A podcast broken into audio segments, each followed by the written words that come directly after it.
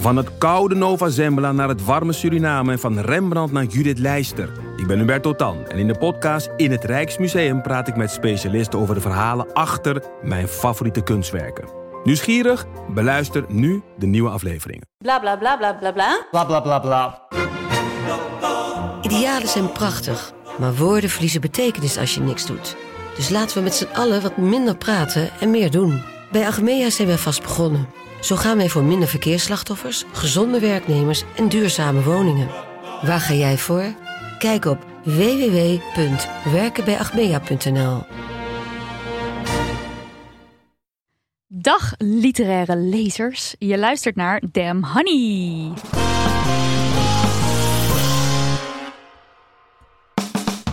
De podcast over shit waar je als vrouw van deze tijd mee moet dealen. Mijn naam is Nidia En ik ben Marilotte. en dit is aflevering 101. Ja, 101. En eh, het is niet 101 deel A. Het is gewoon aflevering 101. En volgende week, jazeker, je hoort het goed. Volgende week zijn we er met aflevering 102. Ja, we gaan wekelijks verschijnen. Dat is een nieuwtje voor onze eh, luisteraars. Eh, met de ene week een gast of twee gasten, zoals we dat vandaag ook hebben. En de andere week gaan we gewoon met z'n tweetjes. Ja. Gezellig staat hier in het draaiboek. Ik weet niet of ik daarmee, daarmee eens Gezellig ben. met z'n tweetjes, Gezellig Lydia. met z'n tweeën gaan we een beetje de week doornemen. Zoals de Damn Honey Yes en No. Zoals jullie dat van ons gewend zijn. Dus eh, dat is eh, leuk. Ehm, nou, vandaag gaan we praten over seksisme in de literatuur met twee leden van collectief Fix Dit. En ehm, er verschijnt van dit collectief van Fix Dit verschijnt een manifest eh, op 25 september. Ehm, en dat manifest staat in een boek en dat boek heet Optimistische woede: Fix het seksisme in de literatuur. En gast nummer 1, die ik aan jullie mag voorstellen, is heel veel, doet heel erg veel. Onder andere is het theatermaker, columnist, creatieve bestuurskundige, ook wel bekend als de glamtenaar. I love it. en auteur Shanti Singh. Hallo. Hallo. Welkom. Eh, ja, je hebt eh, eh, twee romans ondertussen al op je naam staan. Vervoering, je eerste roman, en De Kier. Eh, maar waar ik eigenlijk even iets kort over wilde vragen was de dolle cavita. Dat is een, een fenomeen wat ik op jouw website tegenkwam. En ik dacht, daar moeten de mensen van weten. Wat, wie, wat is dat?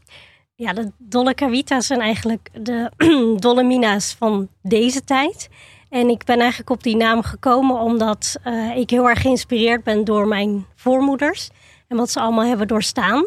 Maar dat waren eigenlijk geen mina's. Eh, dat waren dolle kavita's. Zo heb ik ze genoemd. Zo heet ook een van mijn, eh, mijn oma's, mijn grootoma's, zeg maar.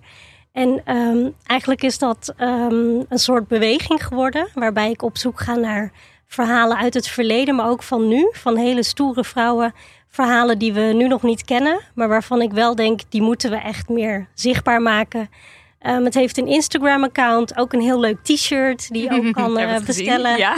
En het is de bedoeling dat we ook het theater ingaan. Ja. Tof. Cool. Wat een project. Ja, sowieso verhalen vertellen, vrouwenrechten, dat zijn echt wel twee dingen die heel erg terugkomen in eigenlijk al het werk wat je, wat je doet. Hè? Ja, heel cool. Heel cool. En dan is er gast nummer twee. En dat is eh, filosoof en schrijver Janna Loontjens. Haar meest recente boek is getiteld Schuldig, een verkenning van mijn geweten. En daarin eh, gaat ze aan de hand van schrijvers en filosofen op zoek naar de oorsprong van haar schuldgevoelens over ongeveer alles. Klopt. Ja, hè? en dat vond ik heel herkenbaar. Ik heb ook de, je podcast eh, geluisterd, ehm, eh, de Brainwash podcast. Ja. En eh, dat, eh, dat klonk heel herkenbaar. Je schuldige voelen over alles. Ehm, en je presenteert samen met mede Fixditter Annelies Verbeke eh Fix Dit post- podcast. Die om Ja. de twee maanden verschijnt. En waarin een moderne klassieker belicht wordt. eh, geschreven door een vrouw natuurlijk. Klopt. Ja, Ja. welkom. Dank je. En ik kwam in mijn zoektocht eh, naar, eh, naar jou en wat je deed een fun fact tegen. En dat is dat je in, eh, in je boek eh, Schuldig heb je een opdracht staan, helemaal aan het begin. En eh, dat is een, een quote uit het nummer Like a Girl van Lizzo. Ja. En de fun fact is dat wij dat ook hebben gebruikt. Precies Ja, die quote. Ja, yes baby, toch? Nee, for shit waar je als vrouw mee moet niet? Ja. Nou, echt lekker op de Ah, hoogte van mijn eigen werk. ja, ik heb dit namelijk nog zitten checken, want ik dacht het ook. Ja, Ja, nou, hey, superleuk. nou Heel dat. leuk. Eh, laten we beginnen met de Femimist, de Femimisser. Marilotte, ging je nog de Femimist in onlangs? Eh, zeker. Ehm, er is inmiddels veel gepraat over de titelcover van de Linda. Ik weet niet of jullie het hebben meegekregen, Ja. maar de, eh, de Linda had een, een cover ehm, gemaakt, gemaakt met, nou niet, super in- niet een super inclusief cover gemaakt met allemaal vrouwen met ontblote bovenlijven. En eh, toen hebben wij eh, ehm, zijn onderdeel geweest van een groep mensen die eh, een soort tegengeluid wilden maken. Namelijk een alternatieve titelcover eh, met ehm, meer verschillende mensen. Mhm. Dus we wilden er niet alleen maar eh dunne cisvrouwen op hebben staan, maar eh, een transvrouw, non-binair persoon, iemand ehm, met, ja, nou, met littekens, dik, dun, van kleur, wit, nou iedereen. In een rolstoel gebruikt. Iemand die een rolstoel gebruikt, inderdaad. Dus we hebben het zo inclusief mogelijk geprobeerd te doen. Kan altijd beter. Kan altijd beter, absoluut. En ehm, die eh, zetten we online. Of werd online gezet door iedereen, de modellen en iedereen die eraan meegewerkt had. We haalden eh, het nieuws. Ah, en eh, dat was vet. En ehm, toen hing er opeens een meneer van NOS aan de lijn. Die belde Nidia. Die wilde even graag kletsen over de cover. was heel eng. Het was heel eng. Nidia zat zo trillend te vragen te beantwoorden. Ik kan er ook slecht van slapen, maar goed. En ik, eh, ik was een beetje aan het aanhoren hoe Nidia de beste man te woord stond. En eh, zij was aan het vertellen over de lijven en, en borsten en het schoonheidsideaal en, en tepels en zo. En, eh, en, en het enige wat ik maar kon denken is, nou, nou, het kan nooit dat die man zelf op het idee was gekomen om hierover nou, hierover nou een artikel te schrijven. Is, heeft hij dit nou wat vreselijk voor deze man? Zo, zeg maar, dit, een beetje in de trant van die Ah. gedachten. Ja, ik weet dus niet of het zo is verder. Maar misschien kwam deze meneer wel zelf op het idee om Kan. dit artikel Mm. te schrijven. Dat kan gewoon. Maar ja, het vond ik onmogelijk in mijn hoofd. Ja. Mm, ja. Interessant. Nou, eh, wij werken eh, samen met een eh, bepaalde partij, om het even in het midden te laten. En een vrouw werkt ook bij dat bedrijf. En ik was er gewoon altijd volledig van uitgegaan. Nou, zij is van de Ja, ondersteunende rol. klantenservice-achtig ondersteunende rol. En nou, en toen hebben we laatst met haar koffie gedronken. We hadden even echt met haar afgesproken. Nou, toen bleek deze vrouw, ze is nog hartstikke jong. Weet ik veel hoeveel bedrijven te runnen. En nou, ik sloeg helemaal stijl achterover van haar mega indrukwekkende cv. En ik schaamde me echt kapot. Ik dacht, oh mijn god, al die tijd dacht ik van... Oh, dat is gewoon een meisje die een beetje zo Secretaresse. ja, zoiets. Een beetje zo account manager. Oh, hey Demony, als je een vraag hebt mag je altijd bij mij. En dan, dan laat ik het de man wel regelen. Zeg maar, zo voelde het voor mij. Oh, echt zo gênant. Ja. En jij had het ook, Ik Marilotte. weet het, want jij loopt het nu zo te vertellen over jezelf. Maar ik, we hadden dit allebei. En Ja. we gingen koffie drinken met haar. We werden gewoon compleet weggeblazen door het Ja, hele verhaal. Toen dacht ik echt, oh mijn god, zo jong en zo. Ja, maar goed. eh, Zo leren we weer allemaal seksist zit in ons allemaal, Ja. dat lijkt wel weer.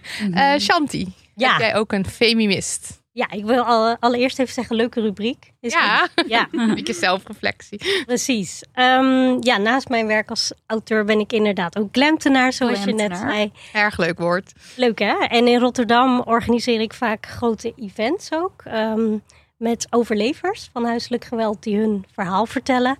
Eh, maakt altijd veel indruk, ook bij professionals. En ehm, nou ja, in ieder geval de politie reageerde daar heel erg enthousiast op. Ook een hele enthousiaste politieman.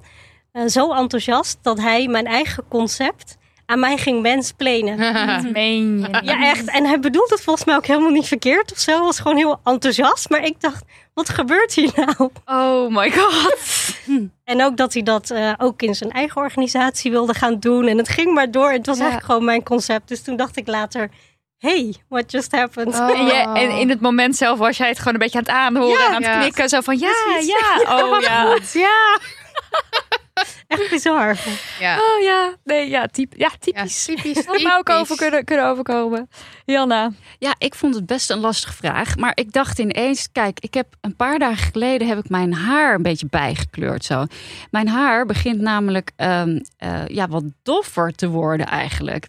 En toen ik dat deed, dacht ik, ja, waarom doe ik dit nu eigenlijk? Doe ik dat dan toch ja, omdat ik er nog wat jonger uit wil zien? Maar ja, is dat dan... voor wie doe ik dat dan eigenlijk? Vroeg ik me ook af. En Ja. is dat dan toch omdat ik aan een soort norm wil voldoen? Hè, jonger uitzien, is dat toch dat idee van dat vrouwen boven de 40 hè, minder aantrekkelijk zijn? Hè? En dan zeker boven de 50. Nou, ik, nou, dat zal binnenkort. En ehm, dus ja, daarbij vroeg ik me ineens af, goh, hoe feministisch is dit nu Ja. eigenlijk om die norm steeds weer te bevestigen? Ja. Doe ik het voor mezelf of doe ik het omdat ik het gevoel heb dat dit toch een soort van mij, eh, dat dit moet. Die grens die is natuurlijk heel erg vaag. Ja. Want ik zeg, als je het voor jezelf doet, helemaal goed. Maar in Doe hoeverre? Ja. ja, in hoeverre heb je die norm geïnternaliseerd en doe je het eigenlijk uit een soort angst om daar eh, van af te wijken? Ja. Ja. Het echt, en het eh, is zo, die boodschappen zitten zo in je dat het Ja, heel precies. moeilijk is om dat los te laten. Ja. Ja, ja een goeie. tijd voor post. Tijd voor post. Tijd voor post. Hey, ik werk in een groot technisch bedrijf. De, verhoudingen, de verhouding man-vrouw is erg scheef. Op SharePoint staat nu dat er binnenkort op een zaterdag een cursus zelfverdediging slash weerbaarheid wordt aangeboden. Speciaal voor de vrouwelijke medewerkers. En dat zit me dwars. Bij mijn vorige werkgever ben ik weggegaan vanwege vrouwonvriendelijk gedrag en rotopmerkingen over vrouwen. Wat door HR afgedaan werd als zo zijn ze nou eenmaal, trek het je niet aan. In het jaar dat ik hier nu werk, heb ik dat soort situaties nog niet meegemaakt. Ik vind het stom dat je als vrouw weerbaarder moet worden en jezelf moet trainen. En dat er niks wordt georganiseerd voor mannen. Ik heb navraag gedaan bij HR en de cursus is een initiatief van een individu. De zaak staat er zes man. Die in zijn vrije tijd bij de sportschool rondhangt, waar de cursus georganiseerd wordt. Hebben jullie tips om iets met deze situatie te doen? Oh, Ik moest erg, erg lachen om het individu dat bij de sportschool. Het lijkt me ook inderdaad zo'n zo'n typisch iemand die dit dan gaat organiseren. Die denkt, ik ga die vrouwtjes wel eens eventjes Helpen. helpen. Door de wereld, door deze gevaarlijke wereld te bewegen. Ja. En dan komt het dus niet in hem op dat dat misschien niet het probleem is. Hebben jullie hier gedachten over? Nou ja, tips vind ik heel lastig, maar het is natuurlijk wel heel herkenbaar. Ik moest ook meteen aan eh, Rebecca Solnit denken. Die beschrijft dat er op een gegeven moment op een campus in Amerika... dat er meerdere meisjes verkracht waren. En dat toen het advies was aan alle studenten... eh, blijf binnen. En dat je ook denkt van ja, het is eigenlijk al meteen hè, victim blaming, maar dan vooraf al. Van nee, je moet zorgen dat je niet in die situatie Ja, komt. Want ja. als het dan gebeurt, dan is het je eigen schuld. Dan had je het kunnen voorkomen. Dit gebeurde ook volgens mij laatst weer met Zandvoort, Formule 1, toch? Met ja. de Formule 1 werden eh, meisjes eh, in de horeca volgens mij Ja, er was een tweet van een moeder en zij tweette: eh, Mijn dochter die krijgt nu te horen van haar werkgever dat ze een lange broek aan moet doen. Want het is bekend dat er rondom dit soort evenementen Mhm. een ja, narigheid gebeurt. Mhm. En eh, eh, zij had niet zozeer kritiek op de horeca-eigenaar dat hij dit zei, maar meer op de, op, het, op, ja, op de mannen in het algemeen die dat dan doen. En terwijl ik denk, ja, het is ook wel weer heel raar dat jij tegen je werkgever zegt: het is een potentiële gevaarlijke situatie voor jou, maar als je een lange broek aan doet, dan. eh, ja, dat niet. is natuurlijk Dat is ook onzin. onzin. Eh, dus zorg dat er beveiligers komen te staan. Of zorg dat Ja. het gewoon Zorg een die- veilige plek is. Of Ja, en dat die mannen worden opgevoed. Precies. Ja, Ja, Jezus. En ik snap wel dat de café-eigenaar niet kan zorgen dat de mannen, zeg maar, met terugwerkende kracht eh, opgevoed. goed opgevoed worden door een maatschappij Mhm. die gewoon zo ingericht is. Dat is allemaal heel ingewikkeld, maar ja, dit is wel echt een terugkerend ding natuurlijk. Ja, wij hadden ook precies hetzelfde op de middelbare school, misschien Ja. jullie ook. Ja, Ja. Want alle meiden kregen dan zo'n weerbaarheidstraining. En ik weet nog dat ik het toen best wel stoer vond. Ook en normaal nog, toch Ja, ook? Ja.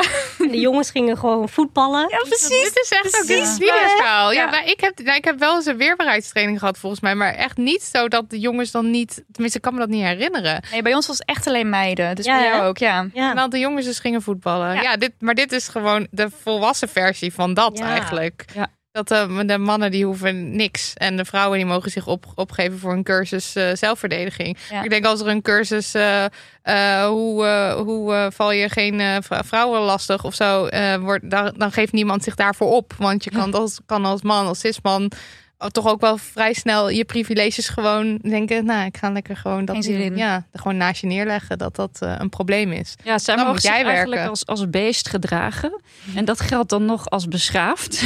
dat is toch eigenlijk heel Normaal, ja. Eigenlijk zou je denken van, hè, ze moeten eigenlijk nog beschaafd worden, die mannen. Ja. Maar dat, inderdaad, dat, dat wordt ze niet opgelegd of zo. Nee. Dus ze hoeven dit niet te doen. Terwijl dan van vrouw, bij vrouwen wordt dan gezegd: jij bent een prooi en je, en je moet jezelf verdedigen. Ja. Maar en dat is dan ook noodzaak eigenlijk. Want je, want je wil niet dat jou iets overkomt. Dus je doet dit dan wel. Ja, want de mannen zijn nou eenmaal zo. Ja, nou ja, ja, en dat schrijft ze Ja, natuurlijk ook over de, over de vorige werk. Dat mannen dat nou eenmaal zo zijn. Ja. Terwijl, ja, er wordt dus ook niks gedaan aan dat ze zo zijn. Maar wat kunnen we nou voor Ja, advies we geven? Dat is moeilijk, hè? Misschien toch dit eh, aan haar eh, leidinggevende schrijven. Ja. Ja. Gewoon bewustzijn kweken. Mhm. Of misschien dit gesprek wat wij nu voeren Ja, laten deze horen. Ja, precies. En dan Ja. zeg ik, kijk, dit is het probleem. Ik kwam niet uit mijn woorden, of ik heb geen zin om het zelf te vertellen, maar hier heb je het. Alsjeblieft, Ja. doe ermee wat je wil. Ja, heb je het in ieder geval gezegd? je kan natuurlijk ook vragen van, oké, en wanneer komt dan de cursus eh, geen vrouwenvriendelijk gedrag vertonen? Gewoon dat je het Mm. gewoon zo, joe. Ja. En dan kan, kan zij misschien eh, dat individu eh, zijn dat dan rondhangt ergens. Rond de feministische broedplaats. Ja. Ja. Ehm, ja, nou ja, dat ik, denk, ja, eh, nou in ieder geval geef het aan, denk ik. Want, eh, maar Dat is sowieso goed. het klinkt al alsof ze dat gedaan heeft. Eh, omdat er ook staat, ik heb navraag gedaan bij HR. Dus dan klinkt alsof, Ja. alsof gewoon al er, er al een mond is opengetrokken. Dus eh, ja, ja, misschien inderdaad wat ze al doet, het publiek maken. Hè? Ja, dat precies. we inderdaad met elkaar te over gaan hebben. En hopelijk dat er weer zoveel verontwaardiging komt. Ja, Dat zij daar denken, hé, hey, dit kunnen we niet maken. ja. En nou, inderdaad, misschien zelf een berichtje zetten op SharePoint. Ja, Hoi, het is, hallo. maar- Ja, ja. dat is zo'n eh, het is een intranet-achtige situatie volgens mij. Maar goed, eh, ja, nou ja, succes, denk ik. Oh, ja, sterkte. Even aandacht voor onze sponsor. Het is een film. De film Corsage. Ja, Eh, op dit moment draait Corsage in allerhande bielsen door het hele land. Ja, en de film vertelt over de Oostenrijkse keizerin Elisabeth. Ik kende haar dus al, maar als, eh, als Sissy uit de gelijknamige films uit de jaren 50. Het is een trilogie. En eh, daar wordt Elisabeth neergezet als een, als een perfect poppetje. Ja, zo zie ik haar ook voor me. Ja, precies. En, en een vriendin van mij vroeger op de middelbare school was heel erg fan van Sissy. Dus dan kropen we samen op de bank met snacks en dan verloren we ons in het sprookje. En ik herinner me dus echt vooral veel geweldige jurken, maar ook heel veel eh, ja, ro- romantiek, zeg maar. En veel gegiegel en zo. Ja. ja, nou dat is dus ook het beeld wat ik van Sissy had. Vrij oppervlakkig beeld, kan ik wel zeggen. Maar Corsage het laat toch wel een heel andere Elisabeth zien dan dat jij nu beschrijft. Ja, nogal. Ja, het is eigenlijk een veel, een veel gelaagdere vrouw. Iemand die baat in luxe, maar ontzettend eenzaam is en verlangt naar vrijheid. Het is best wel beklemmend ook om naar te kijken, Mhm. vond ik. Je voelt en ziet eigenlijk aan alles dat ze, dat ze vastzit. Dat ze opgesloten zit in die, in die paleismuren, in, die luxe, in dat luxe paleis, maar ook letterlijk dus in haar corset, in haar corsage. En ik Ja. vind dus echt dat de, eh, de actrice die haar speelt, dat is eh, Vicky Creeps. Zij zet een hele goede Ja, act- ik vond het ook goeie- echt heel geweldig. sterk. Want zij- even, heb jij niet als je een film ziet in een andere taal dan Engels of Nederlands, dat je even van tevoren denkt, oh, ga ik mijn aandacht erbij? Ja. Dat was niet een Dat was niet aan de hand. Ik Nee, heb me werkelijk geweldig. geen moment verveeld. En dat komt echt door hoe, de, hoe zij speelt. Want ze zet echt zo'n intrigerend personage neer. En dan is het dus niet echt een Elisabeth waar je dol op bent. Want het is dus een personage wat heel manipulatief is. En heel ijdel kan zijn. Ja. Maar ze intrigeert en je wilt meer weten. En het is dus absoluut niet die giechelrol eh, in, dat, in, dat, in die Nee, romantische maar, maar beter ook. Ik heb er daarom juist van genoten. En ehm, ook wel echt een, eh, een, een onderwerp natuurlijk, waardoor ik dan helemaal zo, oh, ik wil meer weten, googelen tijdens de film zat ik al Ja. te googelen. Daarna ook nog van alles over haar opgezocht. Allemaal fun facts werden naar me toe geworpen toen we de film zaten te kijken. Ja, en deze film verdient echt een bioscoopervaring. Ja. Neem het van ons aan. Ja, please. wij hadden screeners gekregen, heet dat zo? Dat je van tevoren al mag wel. kijken. En nou heb ik dus een beamer helemaal zelf uitgezocht. De vaste luisteraar weet dat, dat ik daar graag over opschep.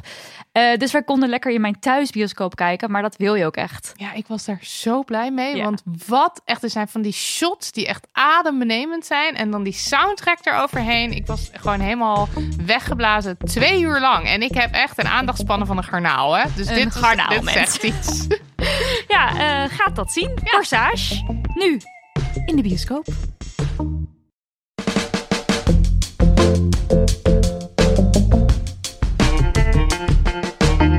We moeten het even hebben over seksisme in de literatuur. Leeslijsten op scholen worden gedomineerd door boeken van witte hetero mannen. Vrouwen winnen minder literaire prijzen dan mannen.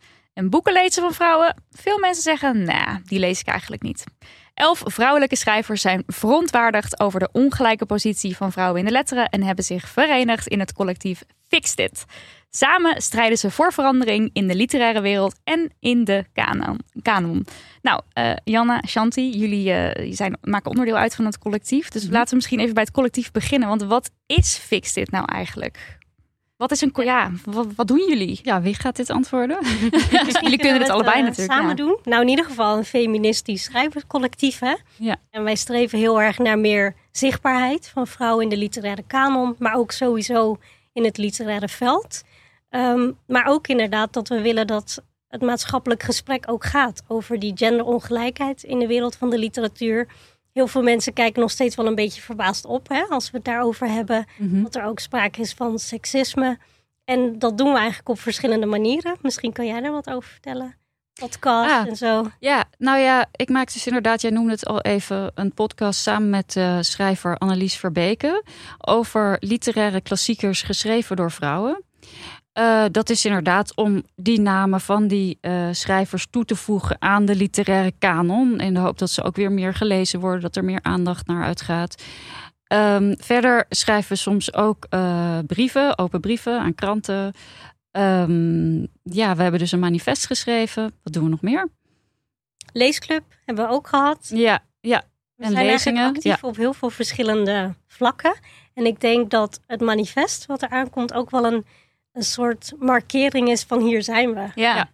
En, aan de Een wereld. bundeling van onze stemmen. Ja. en, en het is een soort, want, want jullie pleiten voor een, een aanvulling van dat wat er nu al bestaat. Zeker. Ja. Ja, dat is Annelies Verbeke. Die zei al heel snel van ja, we willen niet aanvallen, maar aanvullen. Ja. Ja, dus het is niet zozeer dat we uh, mannen de kanon uit willen kieperen. Wat We mensen willen meer- nog wel eens denken. Ja, Ja. altijd hè? Wat is Ja. dat toch? Ja, ja.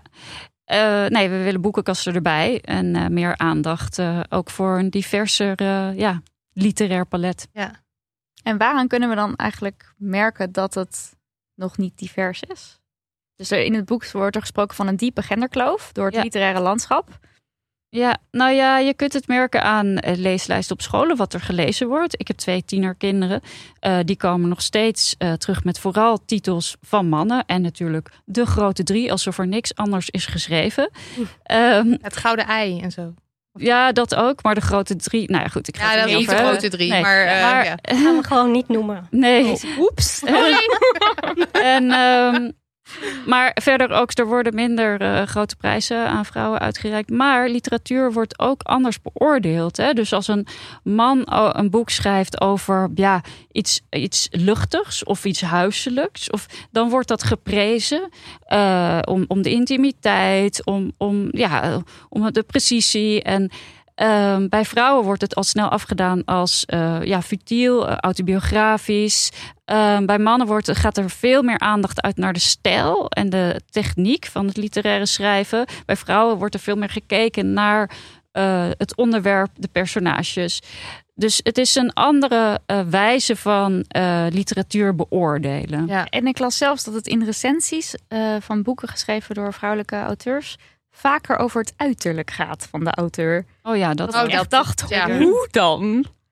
Ik, maar van heel veel ouders weet ik niet eens hoe ze eruit Daarom, zien. het Hoe is totaal- nou? Nou, ik kan jullie vertellen dat toen ik debuteerde eh, met een dichtbundel, nu alweer vrij lang geleden, maar mijn allereerste recensie in het Parool, die begon met de zin: ze is wel een lekker ding. Laat ik dat maar vast zeggen. nee. Erg toch? Oh ja, ik bedoel, Ja, best wel schokkend. ik kijk er niet meer van op, maar ik vind Ik het er inderdaad lachen. Ik vind het alsnog... zo idioot. Oh, wat bizar. Ja, het is heel bizar. Ja. Ja, en, Ja. en eh, wie- bepaalt de liter? Zeg maar, want je hebt het over leeslijsten bijvoorbeeld, maar wie, bepaalt die leeslijsten? Zal ik, ja, ik heb het gevoel dat ik veel aan het woord Ja. ben. Maar ehm, nou, kijk, er zijn wel. eh, er is bijvoorbeeld eh, lezen voor de lijst. Daarin wordt advies gegeven over hè, wat de eh, scholen kunnen lezen. Dat is vrij divers, dat advies. Maar eigenlijk bepalen de docenten en de studenten nog altijd, of de leerlingen nog altijd zelf, hè, wat ze willen lezen voor een lijst. Het is pas alleen maar voor 20% van alle scholen schijnt het verplicht te zijn, de leeslijst. Dus eh, op heel veel scholen kunnen eh, kinderen ook nog zelf eh, titels aandragen.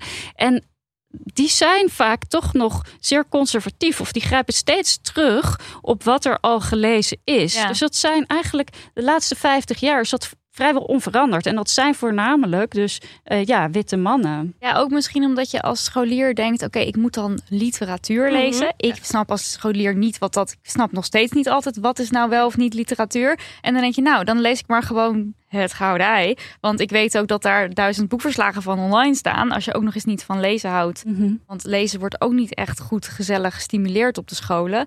Dus dan blijf je natuurlijk de hele tijd datzelfde cirkeltje. Precies. En docenten die eh, doen daar aan mee. Die Ja. bevestigen steeds, oh ja, nee, dit waren de klassiekers, dit is de kanon. Nou, de Ja. kanon moeten ze kennen. En zo komt er geen ver- ver- verandering in. Ja.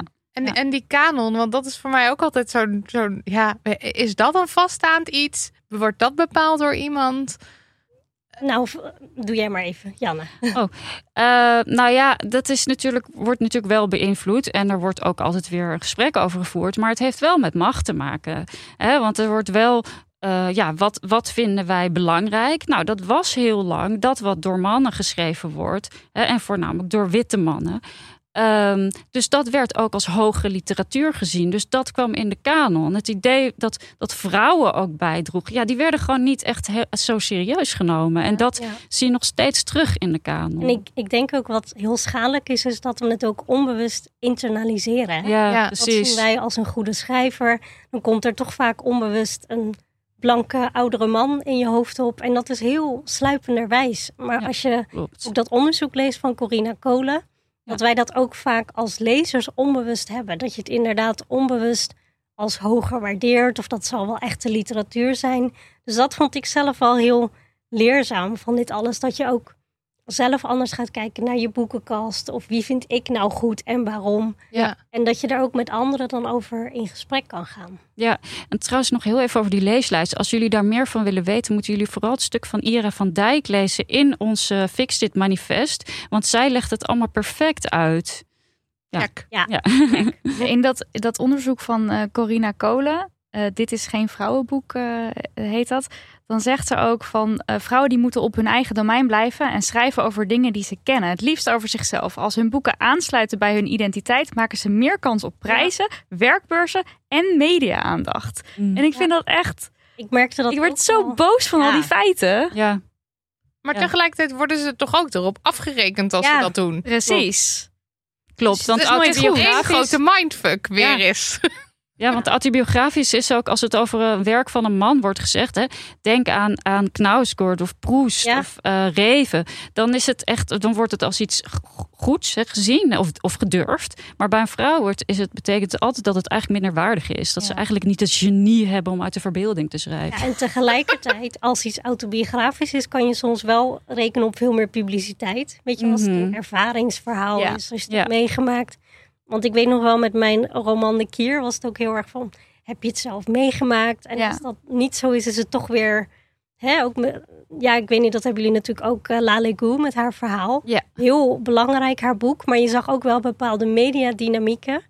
Ehm, als het een echt ervaringsverhaal Ja. is en als het dat niet is. Het Ja. is zoeken naar juicy. Zo van, Ja, oh, die juicy. vrouw die kan dan Precies. leuk een juicy verhaal bij ons komen vertellen Ja. aan, de, aan de tafel. Eigenlijk dan ja. toch weer een soort roddelpraat of zo waar je naar op zoek bent. Ja, inderdaad, sensatie. sensatie. Ja, en dan ook misschien wordt het dan toch ook sneller opgepikt door eh, bladen of zo. Ja, en dan wordt het op die manier opgepikt, maar Ja. het wordt dus niet als serieuze literatuur gezien. Nee, en het wordt dan niet besproken op hoe is dit gemaakt, hoe is dit geconstrueerd, hè, welk personage vervult welke rol in het boek. Het wordt dan niet op Ja. literaire eh, ja, criteria eh, beoordeeld. Ja.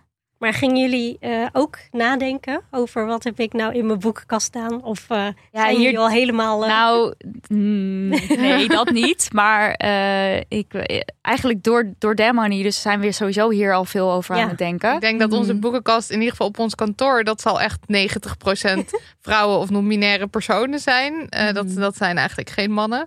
Maar mijn, ja, ik, ik heb daar vroeger echt weinig over. Ik, ja, Maar ik heb ook een tijd gehad dat ik vooral boeken voor jongeren las, young, young adult boeken las. En toen had ik een collega die zei daar een keer wat over van, nou, eh, waarom lees je nou dat de hele tijd? En daar heb ik heel lang over nagedacht. En hij raadde ook altijd boeken aan. En toen dacht ik op een gegeven moment, maar de boeken die jij me aanraadt gaan altijd over mannen. En die zijn Ja. altijd geschreven door mannen. oh. Ja. Over een worstelaar of zo. En dat vond hij helemaal fantastisch. En dan dacht ik, ik, ik voel gewoon niks daarbij. En op een of andere manier vond ik dan in die young adult boeken... Ja, kon wel ik misschien beter mijn weg vinden of Loopt zo. er eigenlijk voorop. Hè? Young nou, dat is adult. het dan misschien, ja. ik ook veel geëmancipeerdere, sterke eh, Ja. meisjes. En ja, En, de- en dus in, de, in de, dan de volwassene literatuur heb ik mijn weg denk ik nooit zo goed echt kunnen vinden. En op een gegeven moment ben ik ook steeds meer ehm eh, non-fictie gaan lezen. Ook misschien vanwege Damn Honey dat je gewoon veel boeken leest. Zoals Jullie Manifest, dat soort Mhm. boeken. Ja. Ja. Eh, want ik ben natuurlijk, ik ging naar jouw podcast luisteren. En dan zag ik ook allemaal namen die ik eigenlijk helemaal niet kende. Nee, en ook in, in het manifest hebben jullie heel leuk op elke pagina een regel, twee regels. Ja. Mhm. Met allemaal vrouwelijke auteurs. Ja. En nou ja, ze zijn bijna allemaal onbekend. Ja. Ik ken ze bijna allemaal niet. Ik heb dus, want eh, in die podcast van Fix Dit wordt eh, Anna Blaman ook besproken, Ja. eh, zag ik. Maar Mhm. die naam die ken ik dus door Anne Plus. Door Ah. de serie Anne Plus. Oh, Ah. Daar wordt dan even heel ja, kort dat is uitgelegd. het. Ja. Dat eh Blaman dan staat voor Ben liever als man. Als man, ja. en, ja, en, dat is het. en dat is de enige reden waarom ik die naam ken. Maar Ah. ik heb verder nog nooit iets gelezen daarvan. Want ik zag die naam erbij. Dus ik Leuke dacht, anekdote. dat ken ik. En dat is inderdaad hierdoor. ja, Ja. Nou, dat hebben ze goed gedaan hoor. Dat, is, dat, dat blijft wel hangen gewoon. Maar eh, jullie boekenkasten dan? ja, hoe zien die eruit?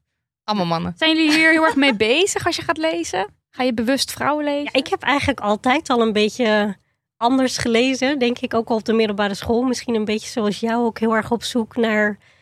ehm, ja, ook mijn eigen stijl of zo. Ja. Dus ik las ook heel vaak ehm, internationale schrijvers, eh, Zuid-Amerikaans. Ik kon me veel meer vinden in die manier van vertellen of zo. Mhm. Ja. En ook Indiaanse diaspora-schrijvers. En dat deed ik ook op de middelbare school. Oh, wat goed. Dus eigenlijk kwam het bij mij pas later. Weet je wel, de grote drie. Nu zeg ik het zelf. Maar Dat, dat, heb je wel zelf moeten zoeken dan, toch? Ja, Want dat werd je niet aangereikt. Nee, Nee. dat niet. Ja, ik ben dus echt. Ja, ik moet bekennen. Ik werd echt geschoold. En ik heb ook verslonden.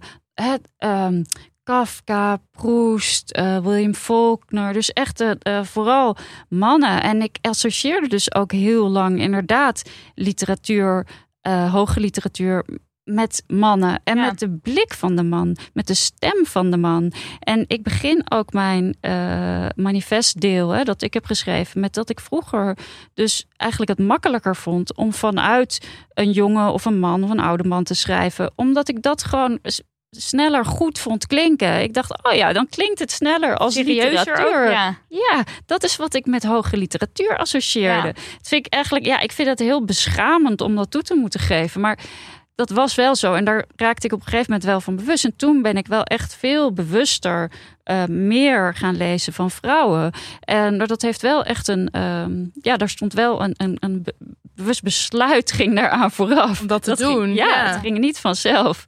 En eh, ja, daarvoor had ik eigenlijk vooral ja, een paar uitzonderingen. Virginia Woolf, eh, weet je wel. Maar ja, verder niet heel veel. En al die eh, auteurs die we in onze podcast klassieker bespreken. Dus Carrie van Brugge, nou, Anna Blaman, Andreas Burnier, Virginie Loveling.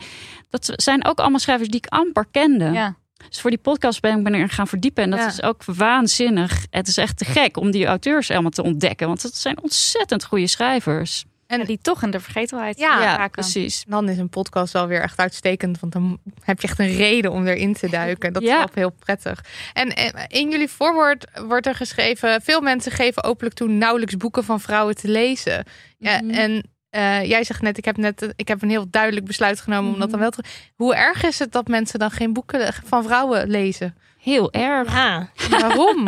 ja dan mis je toch eh, zo ontzettend veel verhalen die er toe doen. En, en we worden gewoon heel erg beperkt in wat je tot je krijgt. Ja. Ehm, heel veel verhalen die er toe doen. Ik denk dat we soms niet genoeg beseffen hoe sturend literatuur kan zijn. Ook voor de samenleving, hoe we denken en hoe we handelen. Dus En de macht is gewoon dan heel erg geconcentreerd. Ja, en ook wat we belangrijk vinden, dat we dus toch net als wat ik net zei van ja, ik, ik associeerde dus een mannelijke stem met hoge literatuur, Ja. Ja. maar ook de mannelijke onderwerpen, de mannelijke overdenkingen. Hè, Ja. dat dat eh, dacht ik, nou dat is belangrijk. Terwijl Ja. dan de vrouwelijke overpeinzingen, of wat vroeger klassiek vrouwelijk was, nu is hopelijk hè, zit daar ook meer verschuiving in natuurlijk. Maar de klassiek vrouwelijke onderwerpen, die werden ook als onbelangrijk, als niet Ja. literair waardig beschouwd. En daar word je ook in gestuurd als je alleen maar boeken geschreven door mannen leest. Ja, dat wordt dan je, de, de wereld, gewoon de wereld, eh, de objectieve wereld of zo, is vanuit de man. En we zullen ook niet zo snel zeggen van typisch vrouw, eh, mannenonderwerp. Nee, we- er bestaat ook niet zo'n Het woord als mannenboek. een mannenboek. Hè? Dat hebben we helemaal Nee. niet. Nee, misschien een soort het eh, jongens, eh hoe heet het ook weer? Jongens, spannend leest als een spannend jongens. Ja, een jongensboek Ja, is wel iets. ja, maar ja, ja. Maar dat is meer gewoon een Avonturenboek. Lekker avonturenboek, ja, Lekker precies. stoer. Want Ja. dat zal een meisjesboek dan niet zo snel zijn, denk ik. eh. of tenminste, ik, dat... ik denk dat, dat ik daardoor eigenlijk ook heel lang zoiets had van de wereld van de literatuur. Dat is helemaal niks voor mij. Mm. Nee. Nou, precies. Daar kan ik helemaal niet bij horen. Of, eh, Nee, en, en we hebben het dan, want dit is dan het, het, eh, het vrouwenboek, maar je mist natuurlijk ook het perspectief van bijvoorbeeld queer mensen of Ja. van eh, mensen van kleur.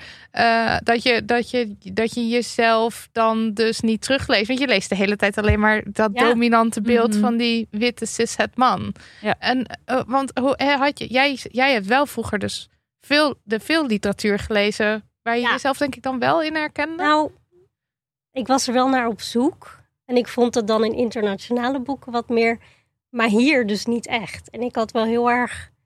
Dat miste ik wel. ja. En, en eh, ik had ook heel erg het gevoel van daar, dat is iets voor een ander soort mensen of zo, weet je wel? Dat je, Literatuur Ja, is iets voor een ander soort mensen. Ja. ook al was ik wel heel erg bezig met schrijven, dat je dan toch niet denkt van hé, hey, dit kan ook literatuur zijn. Of ik kan daar ook onderdeel van uitmaken, omdat je toch heel erg anders bent. En, en je schrijft in, eh, in je essay over een, een rolmodel van jou. Ga- Garitje Groenie?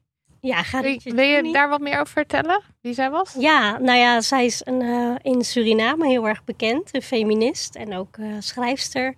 En ik had haar ontmoet een keer bij het Winternachtenfestival.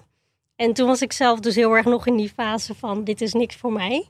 En dat veranderde eigenlijk toen ik haar zag. Ik bedoel, dat was echt zo'n voorbeeld van representatie er wel toe. Ja. Ehm, maar toen kwam ik er dus achter dat bijna niemand haar kende, weet je wel. Dat, ehm, en dat deed ook weer wat, weet je. Dat je denkt van nou, het is blijkbaar heel erg klein of zo. Of, of het doet er niet echt toe. Of ook B.F. Vianen was toen Mhm. ook nog niet echt heel erg eh, populair. Dat komt natuurlijk nu gelukkig weer. Dus Mhm. ik denk dat het toch wel wat deed met, met mijn gevoel van... doet jouw stem er ook toe? Doet je verhaal er ook toe? Ehm, mijn eerste roman gaat ook heel erg over eh, mijn eigen familiegeschiedenis. Hè. Daar heb ik dan een roman van gemaakt. Ook omdat ik dat nooit terughoorde op school, hè. je eigen verhaal. Ehm, dus ik denk dat het er echt wel toe doet. Dat je, dat je die diversiteit gewoon ook op dat vlak om je heen ziet. Als, als je jong bent en Ja. opgroeit. En- Maar jouw eerste roman werd dan wel weer gelijk zo in het hokje migrantenroman geduwd, las Ja. Precies. Denk je eigenlijk, ik ben er, hè? De wereld van de literatuur. En dan, eh, ik, ik schrijf ook in mijn stuk, hè, al die, die labels die ik kreeg opgeplakt. ehm ben ik allemaal heel erg trots op, weet je. Want ik voel me ook eh, verbonden met al die ehm, eh, landen. Ik ben ook een Hindoestaanse vrouw.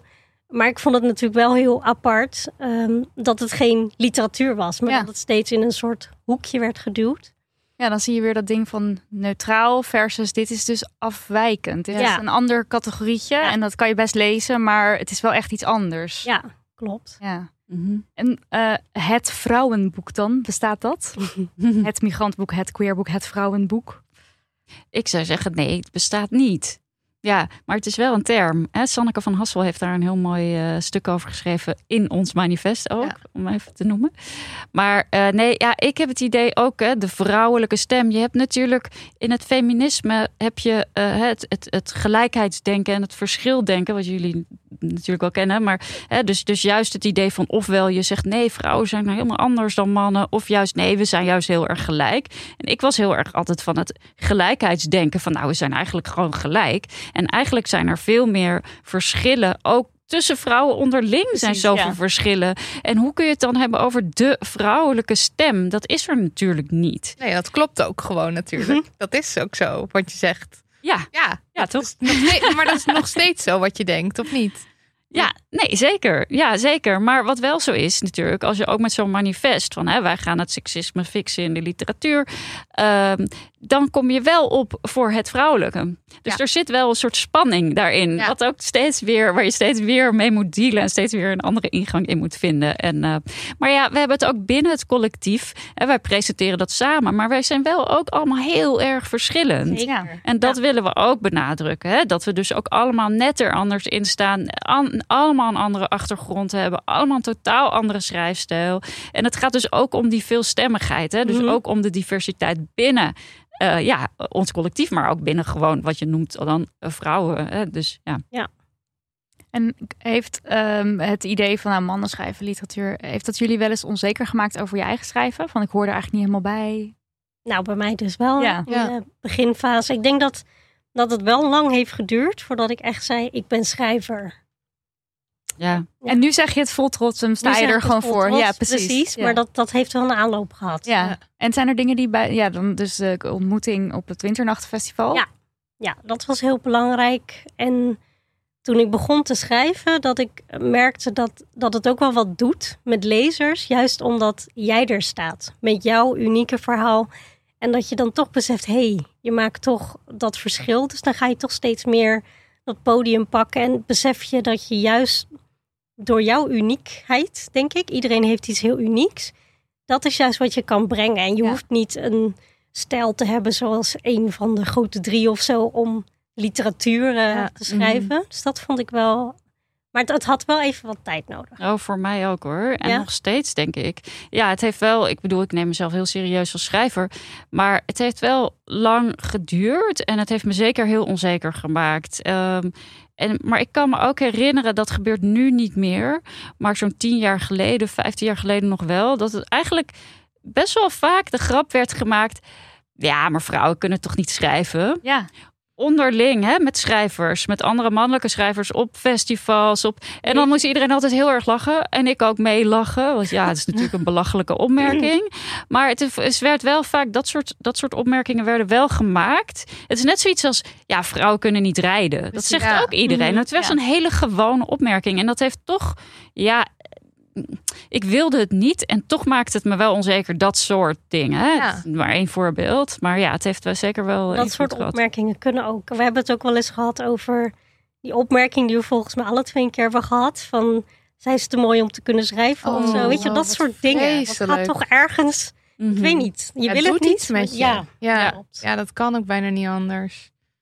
Ja, terwijl je tegelijkertijd ziet dat jonge debuterende vrouwelijke auteurs ook wel vaak, eh, die, ze zijn dus vaak jong, de debutanten, vrouwelijke Ja. debutanten. Mhm. Dus dat er dan misschien toch een soort linkje wordt gelegd met, oh, dat is ook een mooi plaatje. Mhm. Door uitgeverijen, ja, ik weet niet, het is verschrikkelijk als het zo is, maar Ja. eh, dat schreef eh, Gaia ook in. ehm, Nee, zeker. In Dat haar gebeurt essay, zeker. ja. ja.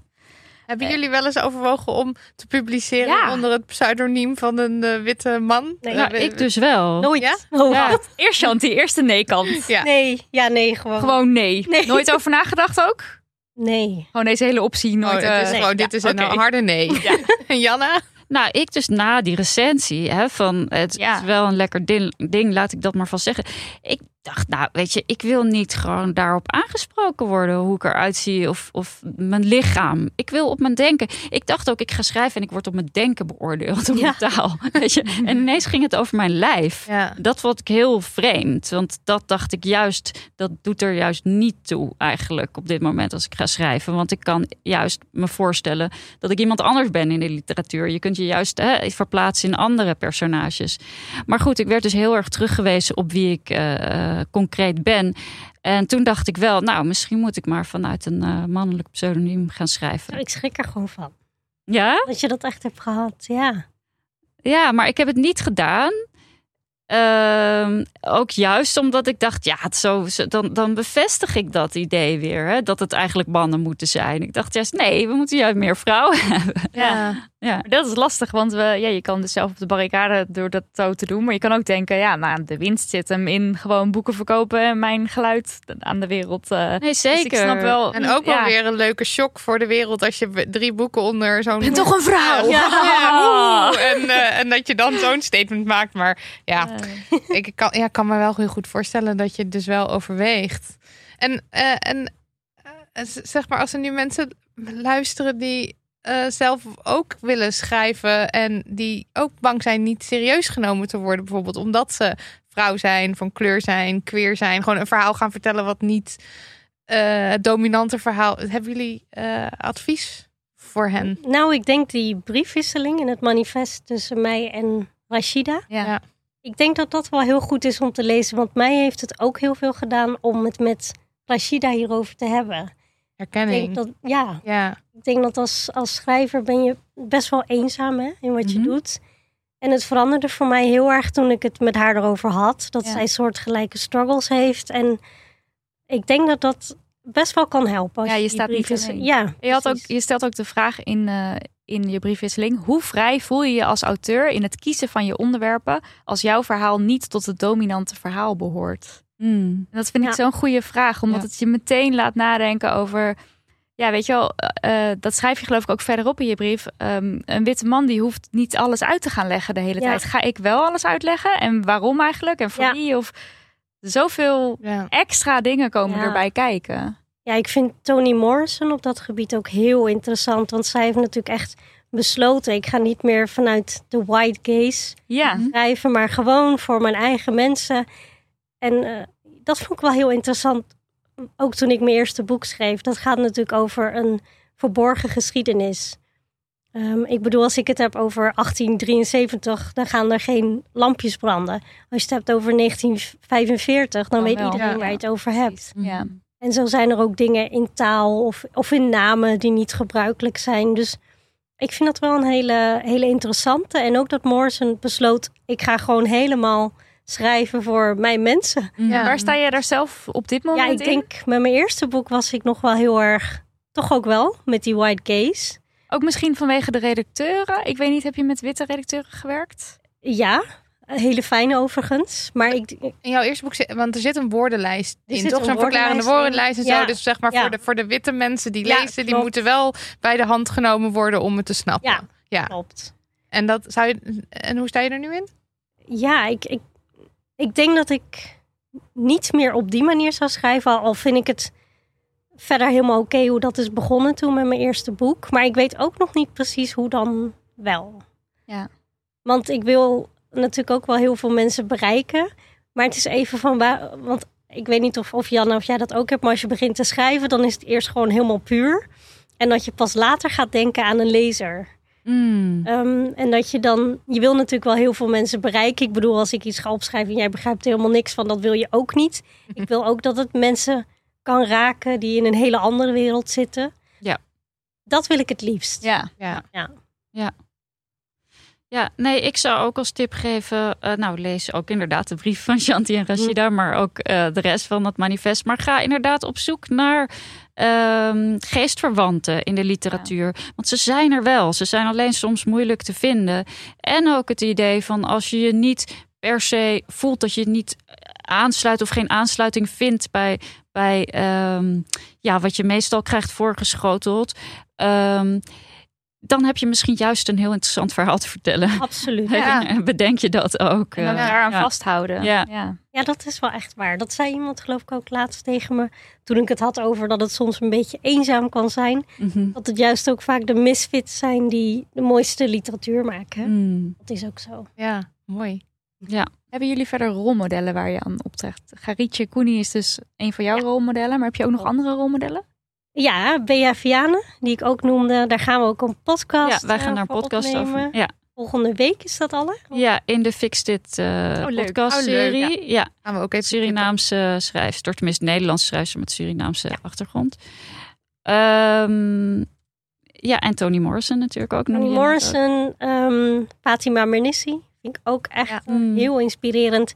En een relatief eh, nieuwe auteur, die, eh, Amia, Shrina Vazen. Kennen jullie haar? Nee. Het recht op seks, die moeten jullie echt lezen. Klinkt Damn als iets ja. wat wij moeten lezen. En ze schrijft echt briljant. Het is non-fictie en het gaat over feminisme anno nu. Allemaal van die onderwerpen waar wij ons ook mee bezighouden. En zij schrijft er heel briljant over. Ik hoop echt dat ze snel naar Nederland komt. En liefst zou ik er willen interviewen. Leuk, ja. Ja. Hou ons op de hoogte als het lukt. Ja, is goed. Gaan we het lezen. Nou ja, ik heb eh, Virginia Woolf, Simone de Beauvoir natuurlijk. Hè? Niet alleen als feministe, maar ook als romancier. Ze is echt een fantastische schrijfster. Ehm, maar ook Carrie van Brugge, over wie we ook een podcast maakten. Andreas Bernier, die noemde je net al. Eigenlijk alle schrijvers die ook in onze podcastreeks zitten. Gewoon de podcast. Ja, nee, beslist. Ehm, ja, dat zijn allemaal wel rolmodellen en voorbeelden en inspiratiebronnen. Dus ja, En, en als we dus zouden vragen welke literaire Nederlandse naam moet iedereen kennen, dan is het gewoon ga die podcast luisteren en je moet iedereen. Of ze- kunnen jullie er eentje uitlichten? ik da- zeg dan Carrie van Brugge. Ja, ik persoonlijk ben Vianen, Ja. omdat het toch voor mij de eerste is in de Nederlandse literatuur, waarbij hoofdpersonage is dan een jonge Hindoestaanse vrouw, 17 jaar. Het is echt zo heel klassiek. Ze wordt volwassen, worstelt met van alles en dan in die setting. Ik wilde echt dat ik dat boek had ehm, aangeraden gekregen op Ja, mijn middelbare ja. school. Dus Ja. ehm, Ik ben het trouwens ook met jou eens hoor. Het is eigenlijk onmogelijk om een keuze te maken. Want ik denk ook meteen, nou, Andreas Bernier moet ik toch ook noemen. ja, hey, ga zo maar door. Dus gewoon eh, die podcast ja. luisteren mensen en dan over iedereen. Maar even over die leeslijst dan. Want ehm, jij zegt net van ik had dat graag aangeraden. Kunnen we niet iets doen om, kunnen we iets doen om te zorgen dat die leeslijst dan. Daar zijn we hartstikke hard mee bezig. Ja. Vanuit Fix dit ook. Hoe dan? En Ira van Dijk is daar ook heel druk mee bezig. Nou, ik raad je aan, nodig haar ook een keer uit. goeie. Want Ja. zij kan daar echt heel veel over vertellen. Ja. Ja, dat moet gewoon anders. Ja, dat Ja. moet anders. Als je het aangereikt beter. krijgt op school, dan heb je ook een grotere kans dat je dus lezen interessanter. ja, En natuurlijk kan lezen ook heel fijn zijn om een compleet andere belevingswereld. Zeker. Dat is Ja. natuurlijk, de weet, dat zijn we allemaal denk ik heel erg over eens. Maar Ja. het is ook heel fijn om herkenning eh, te vinden. En Zeker, maar wat, wat ook zo is, het is ook belangrijk voor jongens. Hè? Het is niet alleen belangrijk dat meisjes zich herkennen. Ja. Het is ook belangrijk dat jongens kunnen Ja. lezen over wat, wat, wat precies. En dat je vrouwen kan meemaken. inleven En- in, ja. in, ja, precies. En dat het niet een compleet eh, onbekende wereld is. Nee, want wij als meisjes en vrouwen, hè, wij worden allemaal geschoold met die blik van de man. Maar de, de, de jongens die krijgen alleen maar dat voorgeschoteld. Hè? Ja. Dus ja, het is ook heel belangrijk voor de jongens. Ja, en nog, toch één, nog een kleine quote uit jouw stuk, Chanty. Als je jezelf nauwelijks in literatuur terugziet, zie je de literatuur daardoor dan onbewust als iets waar je nooit echt onderdeel van kunt zijn? Vraag je dan. Wat doet dat met je als lezer, als potentiële schrijver, maar ook als mens in deze samenleving? In hoeverre mag ik er, kan ik er Ja. zijn? In hoeverre doe ik echt mee met de samenleving? Nou ja, dat lijkt me heel belangrijk dat we dat doorbreken en dat Ja. er veel meer verhalen en perspectieven eh, eh, ook prijzen winnen en vertaald worden en overal te zien zijn. En Precies. talkshows en Ja. recensies die Ja. niet over uiterlijk gaan en niet in een migrantenboekhoek ge- gegooid Precies. worden. ja. Ehm, wat, als ik nu zeg van wat willen jullie nou echt met Fix Dit?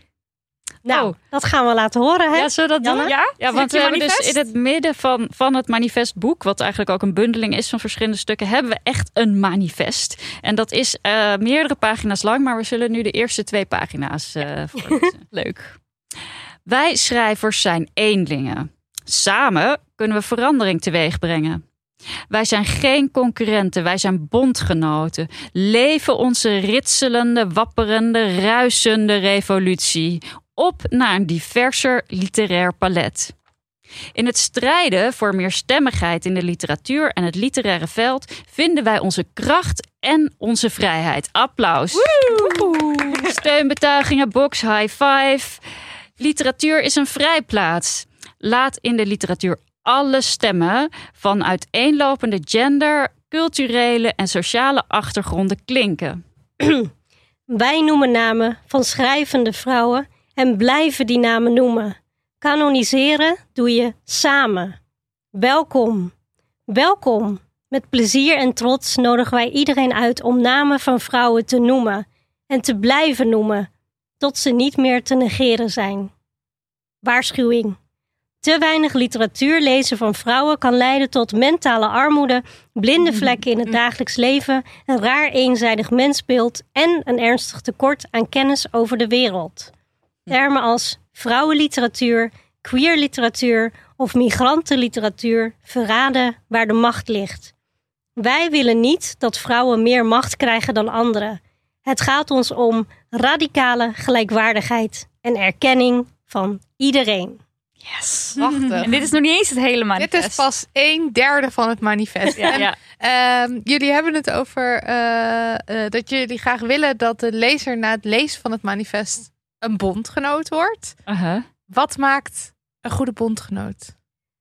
Nou, in ieder geval dat je erover gaat nadenken. Mhm. En ook misschien je bewust wordt van je eigen blinde vlekken. Dat is ook helemaal niet erg, maar ga er dan wat aan doen. Hè? Ja. Ja. En eh, luister ook naar de podcast. Ga met elkaar in gesprek. Raad elkaar ook eh, titels van vrouwen aan. Eh, organiseer leesclubs. Ehm, ja, het is ook heel goed voor vrouwelijke schrijvers natuurlijk. Hè, als ze ook vaak kunnen komen om op te treden. Dus stimuleer het. Je hebt eigenlijk veel meer invloed en macht dan je denkt. Ja. En, samen, en, en wees bereid vragen te stellen. En eh, samen te lachen. Nou, zeker. Mooi. Janna en ik lachen heel veel. Ja. Dank jullie wel. Dank jullie wel.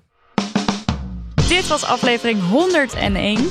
Ja, heel veel dank Janna en Shanti. Eh, en eh, fix dit ook als jullie luisteren. Het hele collectief natuurlijk, elf eh, mensen.